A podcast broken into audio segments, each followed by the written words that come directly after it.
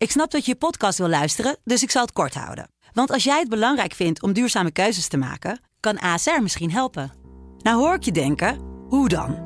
Nou, bijvoorbeeld bij het duurzaam herstellen van schade. Of de premies die we beleggen volgens ons duurzaam beleggingsbeleid. Dat bepaalt waar we wel en juist niet in investeren. Wil je meer weten over welke duurzame keuzes ASR maakt? Ga dan naar asr.nl slash duurzame keuzes. ASR doet het. Zo, dan kan je nu lekker naar je podcast luisteren.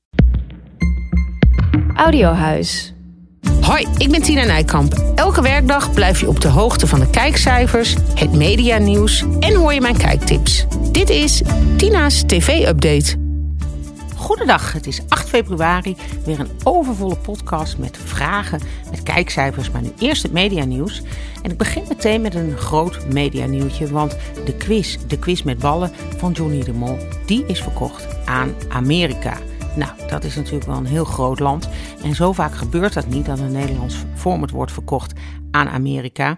Wel eerder werd al de floor van uh, RTL 4, ook van John de Mol, een idee, werd al verkocht aan Amerika. Ook aan dezelfde zender, aan de zender Fox. Daar gaat de quiz met ballen te zien zijn. En uh, ja, dat is toch opvallend dat uh, ja, voor John de Mol nu toch weer wat succes in het buitenland ja, gaande is. Dat heeft heel lang geduurd, want het is voor het eerst volgens mij dat een format ook wat hij op SBS 6 heeft gelanceerd nu verkocht is aan dat grote land Amerika. Dus ik denk dat John de Mol vandaag zeker een stuk taart eet. En uh, Johnny waarschijnlijk ook. Het is toch wel heel erg leuk dat jij dan als eerste presentator bent. Dan moet het voor Edson ook geweest zijn. En, uh, want in Amerika wordt zijn de Floor gepresenteerd door Rob Lowe. Uh, dat is die jaren 80 acteur. En het is daar overigens ook een heel groot succes, de Floor. Dus wellicht ook dat Fox dacht: hé, hey, nou die quizjes van uh, John de Mol. Kom maar door, want die doen het hier hartstikke goed. En uh, nou ja, goed, in SBS 6 zal ook zeker nog wel weer een seizoen de quiz met ballen gaan uitzenden. En wat me er ook aan opvalt, is dat eigenlijk bij SBS 6 alles als je, wat je op zaterdag half tien uh, ja, daar neerzet, zeg maar als eerste slot, dat dat altijd de meeste kans van slagen heeft. Uh, dat was in mijn tijd eigenlijk altijd al zo. Alles wat we op half tien op zaterdag neerzetten, dat mislukte eigenlijk nooit. Nou, de quiz met ballen is daar ook gestart. Dus uh, ik zou SBS 6 aanraden, mocht je nieuwe dingen hebben, programmeer het om half tien op zaterdag dan weet je zeker dat het in ieder geval geen flop wordt. In ieder geval, de kans is minimaal. Ja, of het moet zo slecht zijn, dat is natuurlijk ook wel eens het geval uh, de laatste jaren. Maar uh, goed, als het een normaal goed format is, dan is de kans van slagen daar het grootst. Nou, over quizzen gesproken, RTL 4 kunnen we inmiddels wel omdopen tot quizzender. Want hoeveel quizzen zenden die wel niet uit? Weet ik veel, Beat the Champions, 1 tegen 100. Nou, noem maar op, noem maar om. Het gaat maar door. Hele weekenden staan vol met uh, quizzen. Uh, en daar komt nu er nog eentje bij. Die heet De Pappenheimers. En die wordt gepresenteerd door Erik van Looy. Het is een Belgische quiz ook. En Erik van Looy is natuurlijk zelf ook Belgisch. We kennen hem natuurlijk als die leuke kandidaat met dat ooglapje op. Hè, uit de slimste van niet afgelopen seizoen, maar het seizoen ervoor. En uh, nou, Nederland sloot hem in zijn hart.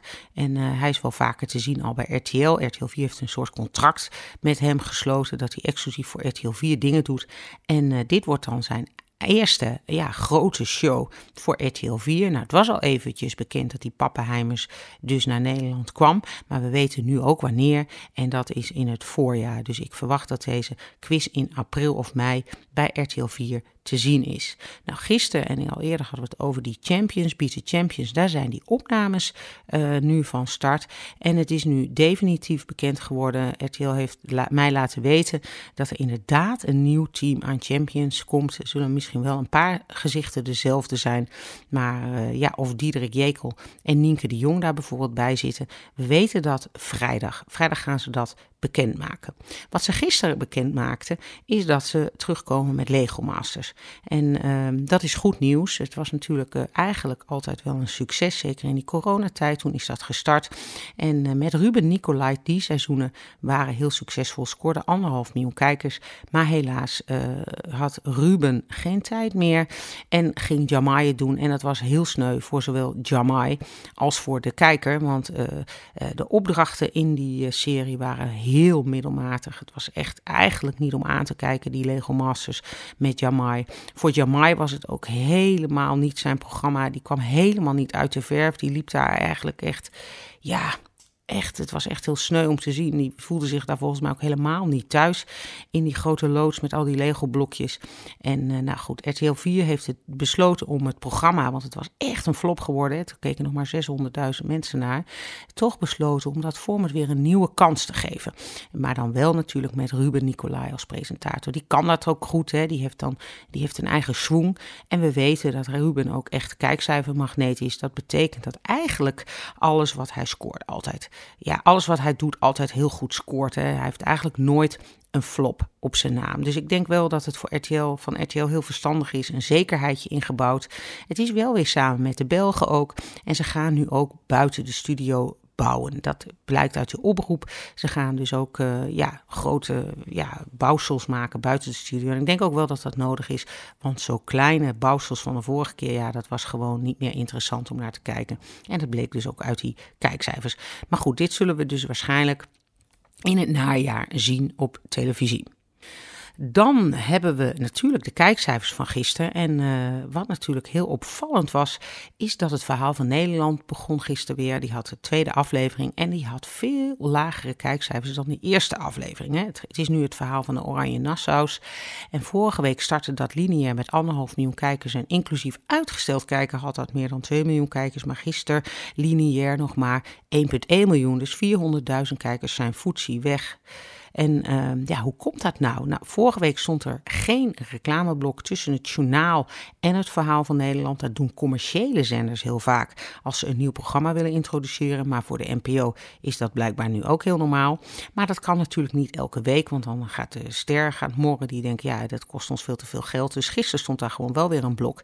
En dat scheelt natuurlijk wel kijkers, want dan kunnen kijkers gewoon wegzeppen in dat reclameblok. Dus daar hebben ze last van gehad ook staat het programma al helemaal, kun je al helemaal kijken op NPO Start. Dus wellicht dat mensen dat al hebben gedaan.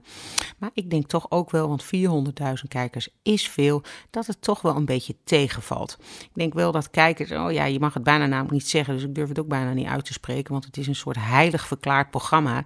Maar ja, 400.000 kijkers is niet alleen maar dat.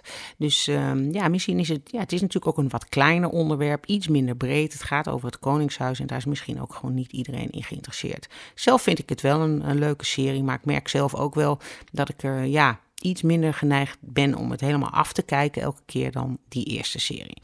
Nou goed, het is afwachten wat het volgende week gaat doen. Kijk, voor Daan Schuurman is het een kleine tegenvaller. Hij doet het natuurlijk wel heel erg goed. En uitgesteld zullen er heus nog wel kijkers bij komen. Er is helemaal geen sprake van paniek. Maar opvallend is het wel. Daarnaast begon daarna het familiediner met Bert van Leeuwen. Nou, dat was wel echt een drama. Want daar keken maar 523.000 kijkers naar. En ik verbaas me er ook over dat de NPO dit programma weer heeft besteld. Dit programma bestaat al 23 jaar en op een gegeven moment is het toch ook een keer klaar. Het spijt me, op RTL 4 loopt ook al heel lang niet meer. Familieruzies, hoezo moet dat nog op televisie uitgevochten worden? Het is een hele andere tijd. Toen was er nog geen social media, nog helemaal niks. Mensen konden ook heel moeilijk met elkaar in contact komen. Nu is dat heel anders en om dan op de NPO, ja, familieruzies uit te gaan vechten. Ik snap niet dat dat de taak is van de publieke omroep. En de vorige serie scoorde ook al helemaal niet meer zo goed. Dus ik begrijp niet dat ze dit uh, zijn gaan doen. Het staat ook eigenlijk op mijn lijstje van een van de programma's waarvan ik vind dat het in 2024 moet verdwijnen. Dat vind ik ook van een aantal andere programma's, maar dus ook van deze. En uh, nou ja, goed, met deze cijfers komt het waarschijnlijk sowieso niet meer terug. En uh, dat zou tijd worden ook, vind ik zelf eigenlijk. En dan hebben we nog goed nieuws voor meester Frank Visser en Victor Brandt. Want inclusief uitgesteld kijken had het die vorige week donderdag maar liefst bijna 1,7 miljoen kijkers. En dat is een kijkcijferrecord voor ze. Nooit eerder scoorden ze zo goed in die 12 jaar dat ze bezig zijn. Nou, dat is natuurlijk fantastisch nieuws. Het gaat heel erg goed met meester Frank Visser dit seizoen. Record na record wordt verbroken. Dus die zullen zeker taart krijgen vandaag. En uh, nou, hartstikke leuk ook voor Victor Brandt. En uh, ja, die is toch wel echt een vaste waarde geworden van dit programma. Dan hebben we nog de vragen. Uh, ook dat nog komt terug. Gaat Herman van der Zand dat presenteren? Nou, ik kreeg die vraag binnen op mijn DM en ik dacht, nou, dat zou best een goede zijn. Er is verder nog niks over bekend. Ehm, wie dat gaat doen en ook verder helemaal niks. volgens het AD die dat gisteren bracht, komt dat allemaal nog naar buiten. Maar uh, ja, Herman als presentator lijkt mij een heel goed idee. Hij gaat natuurlijk al de slimste doen in 2025. Dus hij heeft dit jaar volgens mij nog best wel wat tijd. En ik ben sowieso heel benieuwd wat hij gaat doen bij de Caro en CRV. En nou, we wachten het af. Dan de volgende vraag is: moeten Eus, Anouk en Bart ook niet wat van zich laten horen in zaken Matthijs? Ja, nou, dat weet ik niet. Eus heeft al wat van zich laten horen. Hè. Die heeft bij VI al gezegd dat hij nog steeds achter zijn vriend blijft staan. Maar uh, dat hij uh, ja, niet, zich niet kan voorstellen dat er niet meer is voorgevallen dan alleen wat geschreeuw. Dat waren volgens mij zijn woorden, als ik het goed samenvat. En ja, Bart Chabot en Anouk, ja, alle drie hebben ze natuurlijk Matthijs vorig jaar uitgenodigd bij hun boek, presentatie of albumpresentatie. Ja, zij hoeven natuurlijk niks van zich te laten horen. Uh, ik weet ook niet hoe zij daarover denken, of ze nou Matthijs hebben gecontact, hoe goed ze hem kennen en wat ze ervan vinden dat Matthijs dus niet bij RTL 4 aan de slag uh, uh, gaat. Maar ik vind niet dat ze wat hoeven te laten horen als ze dat niet willen. Uh, dat is aan hen. Maar ehm, nou, we wachten het af. Wie weet dat ze op hun social media nog wel een reactie plaatsen. Dan tot slot heb ik een tv-tip natuurlijk weer, de kijktip van vanavond. En dat is een, documentaire. Een documentaire op NPO 2 om kwart over tien. En die gaat over Els Borst, die minister die uh, vermoord is een aantal jaar geleden. En deze documentaire heet De Erfenis van Els Borst. En het gaat over haar politieke carrière. Dat is mijn kijktip. Dit was de podcast. Tot snel en een hele fijne dag. Dit was Tina's TV-update. Heb jij nou ook een vraag? Stuur me een berichtje via Tina Nijkamp op Instagram. Tot morgen!